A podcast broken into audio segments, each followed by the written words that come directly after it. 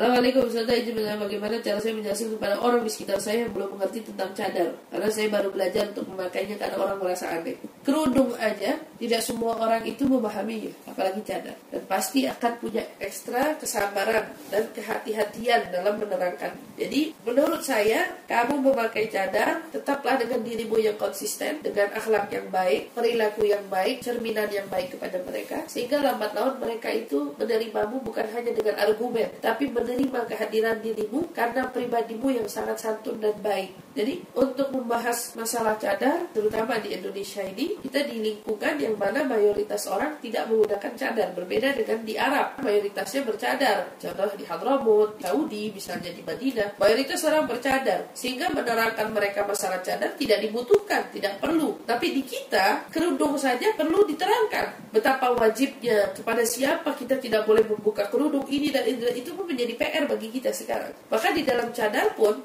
lebih harus perlahan-lahan dan berhati-hati. Jika ingin disampaikan, terangkan kepada mereka bahwa ada beberapa fatwa ulama yang menyatakan bahwa cadar wajib. Tapi bukan berarti kita menghapus fatwa ulama yang menyatakan e, cadar tidak wajib. Di sini kita harus berhati-hati. Jadi ulama berfatwa menyatakan cadar wajib, tapi ada juga fatwa ulama dengan syarat-syarat tertentu yang menyatakan bahwa cadar tidak wajib. Dan kita di sini harus berhati-hati karena kita memilih yang wajib dengan cadar. Berhati-hatilah dalam menyampaikan sesuatu yang yang berkenaan dengan mayoritas kita. Jadi tetap bersabar, mudah-mudahan insya Allah pribadi kita bisa memberikan cerminan untuk mereka tanpa argumen-argumen kita.